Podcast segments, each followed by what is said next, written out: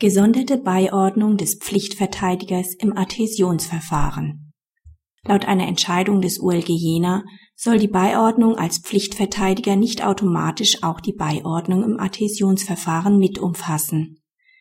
Insoweit sei vielmehr eine gesonderte Beiordnung erforderlich.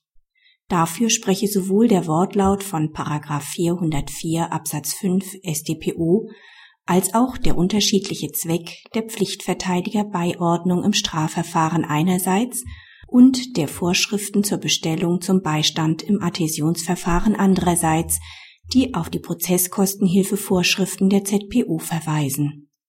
Während erstere der Sicherung eines ordnungsgemäßen Strafverfahrens dient, wurzeln letztere im Gedanken der Chancengleichheit bei der Verwirklichung des Rechtsschutzes.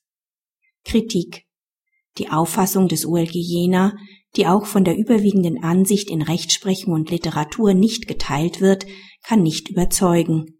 Die Beiordnung als Pflichtverteidiger nach 140 StPO erstreckt sich auf das gesamte Strafverfahren und umfasst deshalb auch das mit diesem verbundene Adhäsionsverfahren. Schon aus praktischen Gründen erscheint diese Auffassung zwingend, denn die Tätigkeit als beigeordneter Pflichtverteidiger wird sich oftmals gar nicht von der des Beigeordneten im Adhäsionsverfahren trennen lassen.